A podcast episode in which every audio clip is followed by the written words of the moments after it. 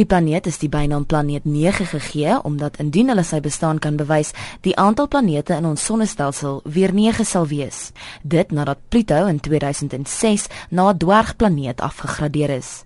'n Senior navorser by SANSA, Dr Pieter Kotse, verduidelik hoe sterrekundiges bereken het planeet 9 bestaan. Navorsers van die Kaliforniese uh, Instituut vir Tegnologie in Pasadena wat die bewyse bring dat daar moontlik so 'n planeet kan bestaan na aanleiding van berekenings wat hulle gedoen het deur te kyk na die baanbeweging van Setna in die Kuiperbelt.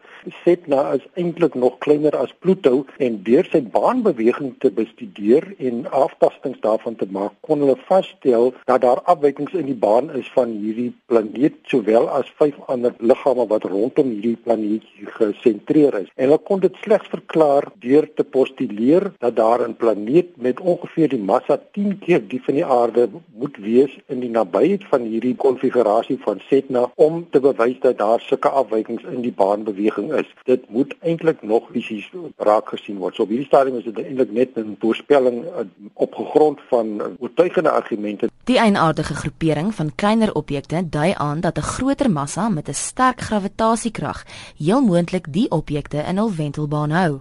Maar Kotse sê bestaande tegnologie is nog nie gevorderd genoeg om die planeet in die ver afgeleë deel van ons sonnestelsel waar te neem nie. Die tegnologie wat ons op hierdie stadium tot ons beskikking het, ook of ook die teleskoop het 'n baie klein kykhoek. Vermoë om lig in te samel is redelik beperk veral om hierdie groot lang afstande. So om aanduiding vir 'n mens te gee van die moeilikheidsgraad daarvan is om soos die spreekwoord sê na 'n naald in 'n hooimiet te kyk. Maar in hierdie geval kyk jy nie net na die naald in die hooimiet jy gebruik ook 'n koeldrankstrooitjie om deur te loer en dit is dan jou kykhoek wat jy het om hierdie naald in die hooimiet op te spoor. Hulle weet gelukkig aan watter deel van die hemelruim hulle moet kyk, maar om dit af te tas en te bestudeer, dink ek sal omtrent oor 'n periode van 5 jaar gebeur.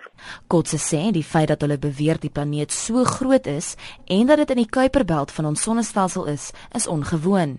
Die verslag spekuleer dat planeet 9 deur Jupiter en Saturnus se swaartekrag in die diep ruimte ingeslinger is. Die een verklaring daarvoor is dat dit op 'n normale wyse gevorm is soos wat ons ander planete soos die Aarde, Mars, Jupiter en Saturnus gevorm is, maar deur een of ander botsing moontlik of met 'n gravitasie 'n pluk van die ander planete het hy in 'n baan beland wat heeltemal buite die sonnestelsel of ons bestaande sonnestelsel kon gekom het. So dit is op hierdie stadium 'n moontlike verklaring daarvoor.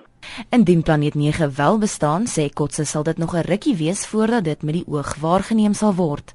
Hy sê nogtans is die navorsing belangrik. Die eintlike kersie op die koek sal kom wanneer dit werklik eendag in die oogstuk van 'n teleskoop gaan verskyn en die mense klinkklare bewyse het dat dit wel kan bestaan. Op hierdie stadium is die bevindinge belangrik. Dit is 'n belangrike voorspelling wat gemaak word. Dit is belangrik dat dit gepubliseer moet word en dit wil sê dit kan ook nou aanleiding gee tot verdere ondersoeke van planete of hemelliggame.